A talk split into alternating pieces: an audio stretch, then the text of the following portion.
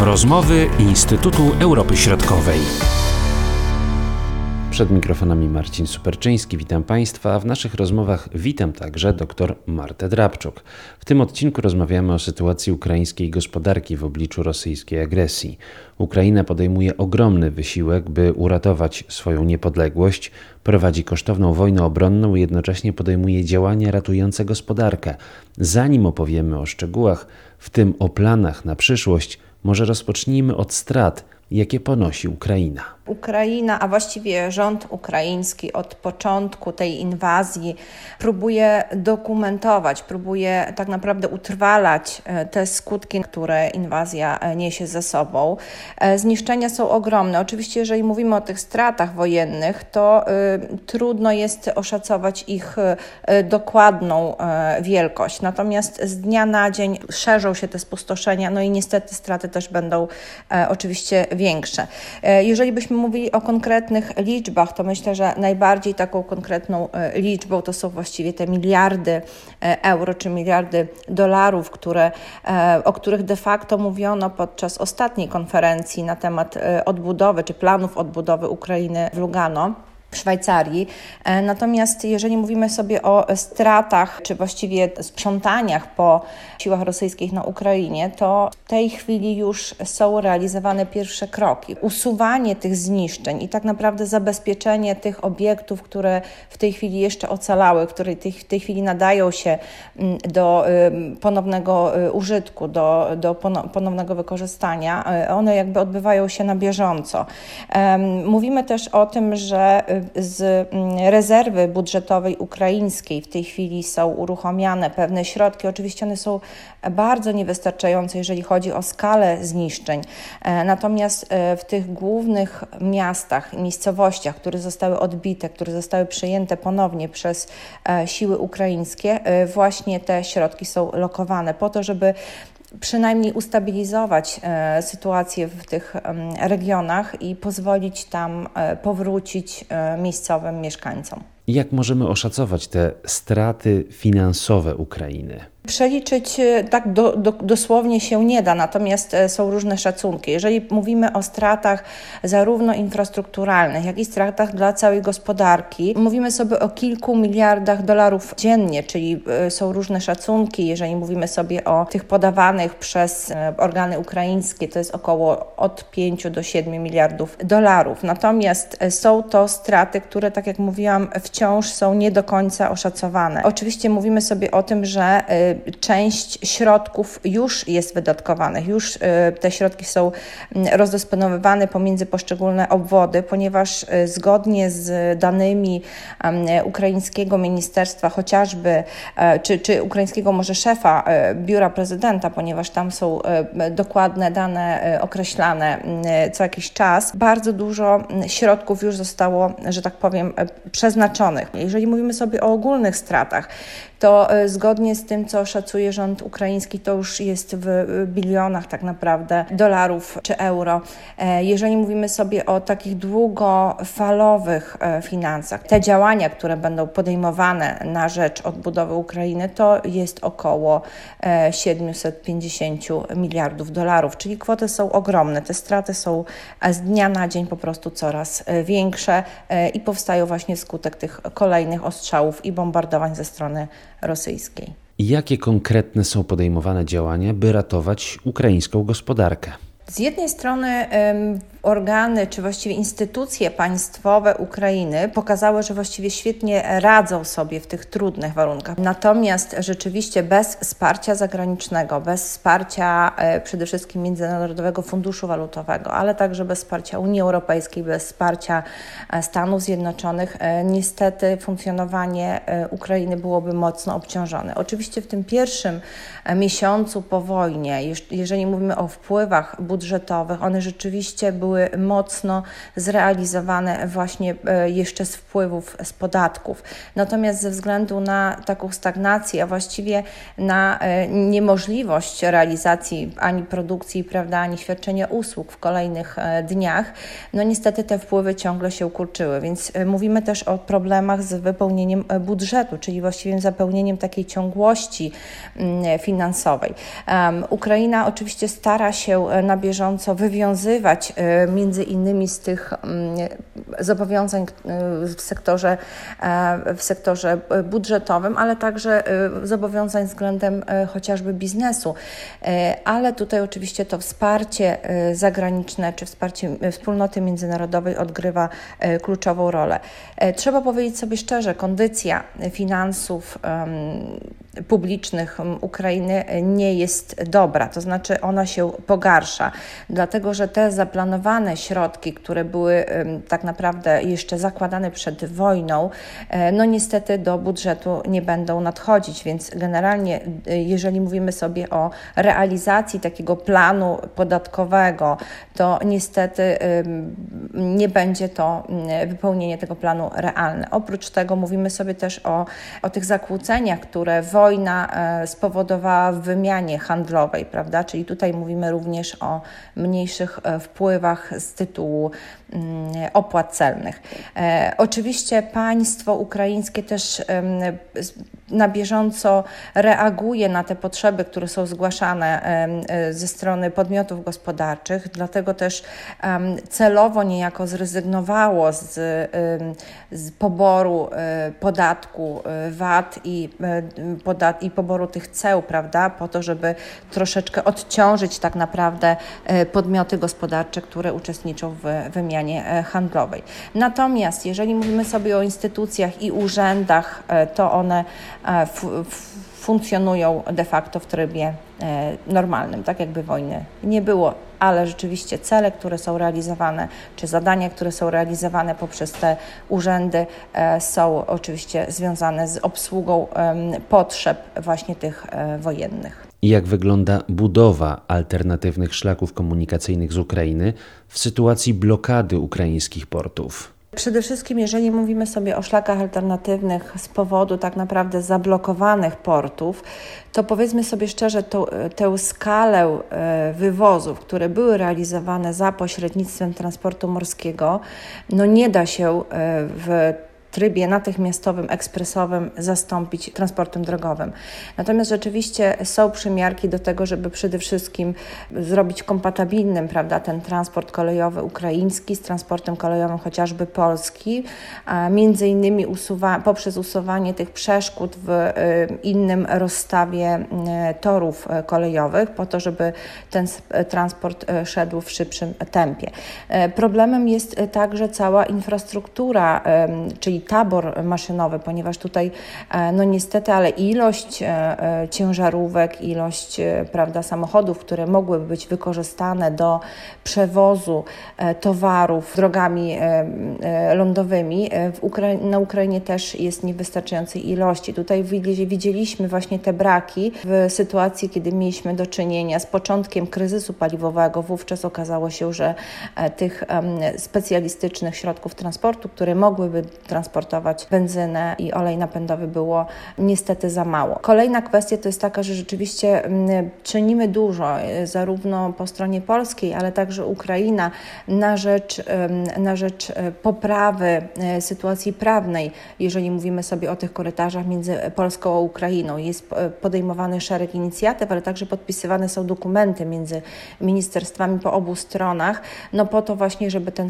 transport mógł jak najszybciej być taki zrealizowane na pełną skalę. Natomiast e, rzeczywiście to jest początek drogi i te szlaki komunikacyjne e, z Ukrainy tak naprawdę do, do Europy Zachodniej muszą być jeszcze w dalszym ciągu rozwijane. Oprócz tego pamiętajmy, że szlaki kolejowe stają się konkretnym celem sił e, rosyjskich i te szlaki kolejowe, szczególnie te węzły kolejowe są bombardowane przez Rosję nieustannie. A jakie są pomysły na odbudowę Ukrainy po wojnie? te problemy gospodarcze, z którymi mierzy się Ukraina e, po dwuletniej tak naprawdę pandemii e, koronawirusa, ale teraz też wskutek tego, że no państwo nie może funkcjonować w warunkach, kiedy rzeczywiście ta wojna e, przedłuża się, ważnym krokiem krokiem politycznym, ale także krokiem w kierunku unormalizowania, ustabilizowania tej sytuacji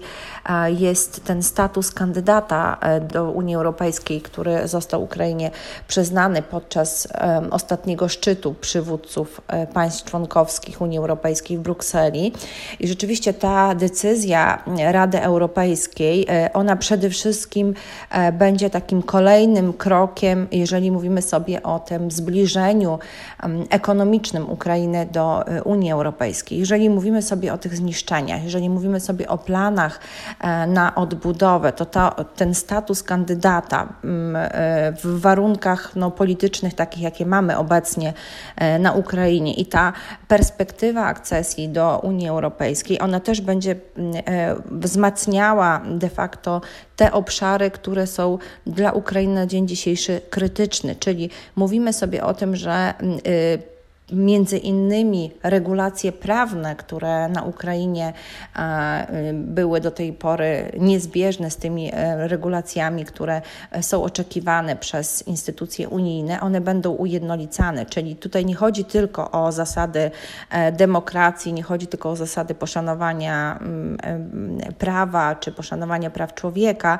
Tutaj chodzi także o ten wspólnotowy dorobek gospodarczy, czyli mówimy sobie o tym, że między między innymi na przykład takie prawo przewozów kolejowych czy e, prawo przewozów e, rzeczy na terenie e, powiedzmy całej Unii Europejskiej, do której ukraińscy przedsiębiorcy będą i mają właściwie już w tej chwili dostęp, one będą też ulepszane z dnia na dzień, więc te i szlaki komunikacyjne, ale także rynki tak naprawdę, które w tej chwili są zachwiane na Ukrainie, będą miały możliwość przynajmniej w minimalnym stopniu e, czerpać z tego, co Unia Europejska e, oferuje.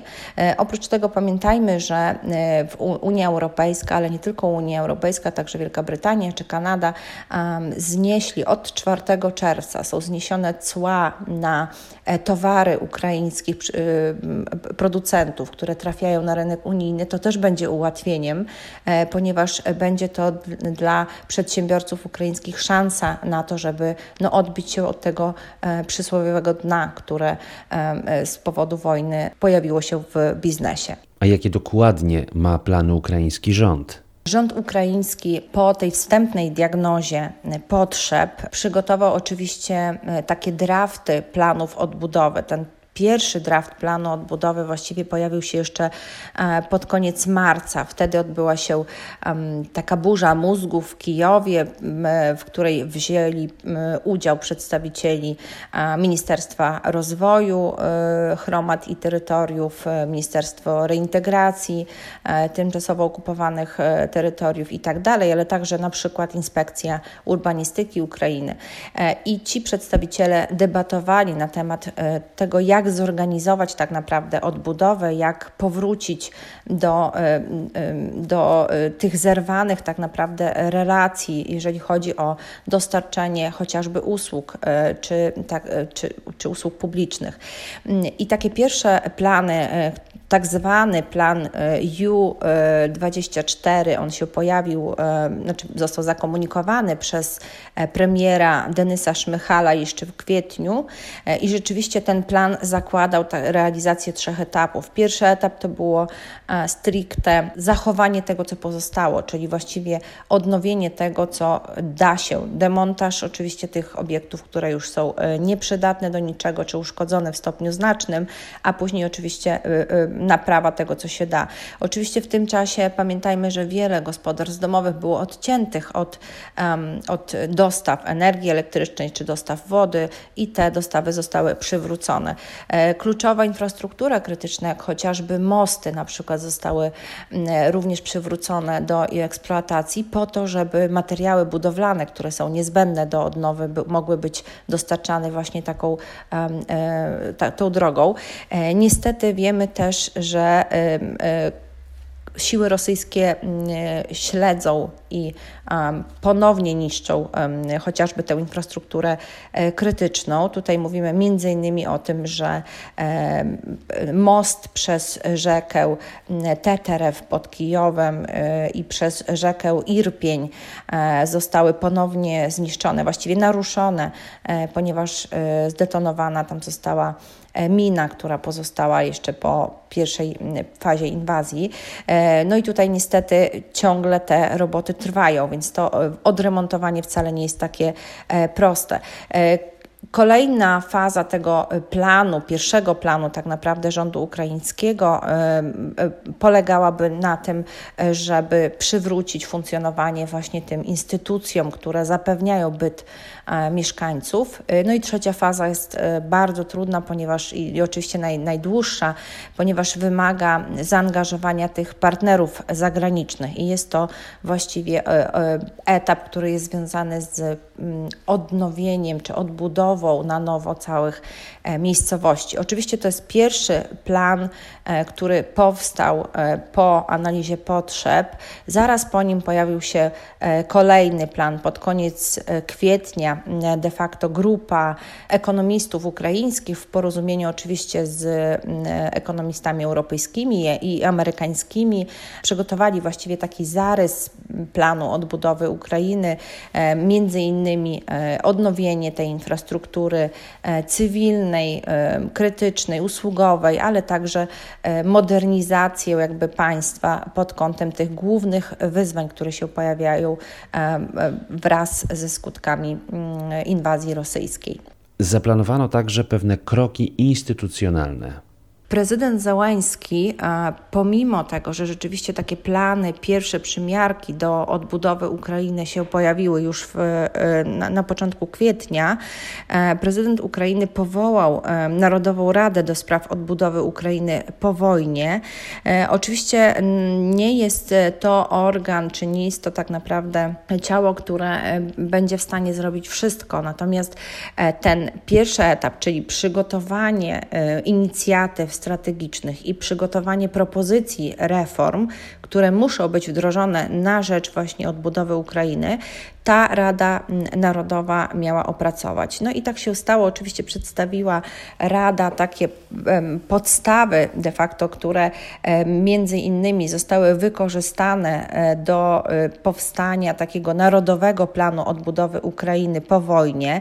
Ten plan po raz pierwszy został ogłoszony w czerwcu, e, a Między innymi e, teraz w lipcu został przedstawiony na tej konferencji już międzynarodowej do spraw odbudowy Ukrainy i jest to istotne z kilku, jest to istotne z kilku powodów. Przede wszystkim dlatego, że e, mówimy sobie o tej konsolidacji, czyli właściwie konsolidacji e, zarówno sił ukraińskich, jak i partnerów zagranicznych.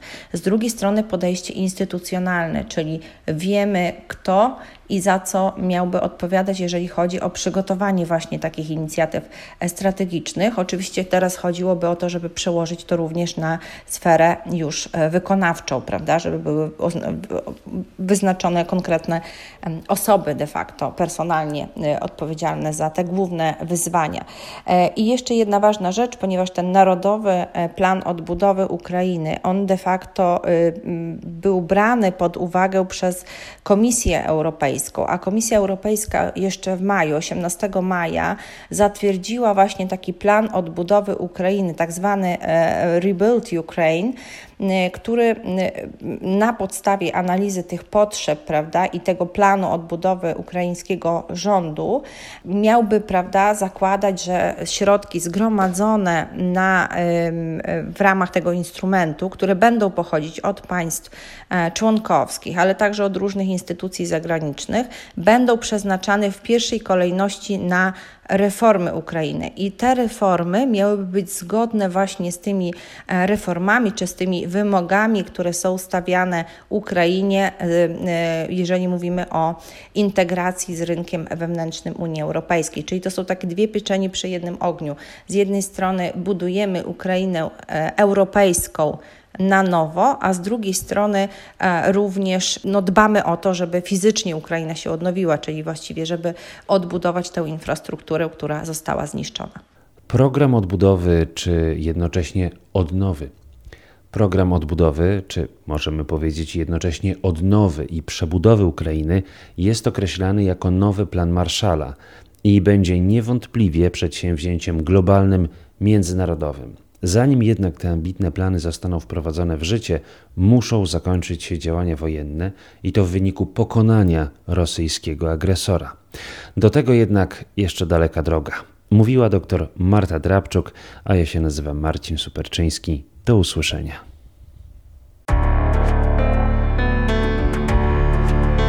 Były to rozmowy Instytutu Europy Środkowej.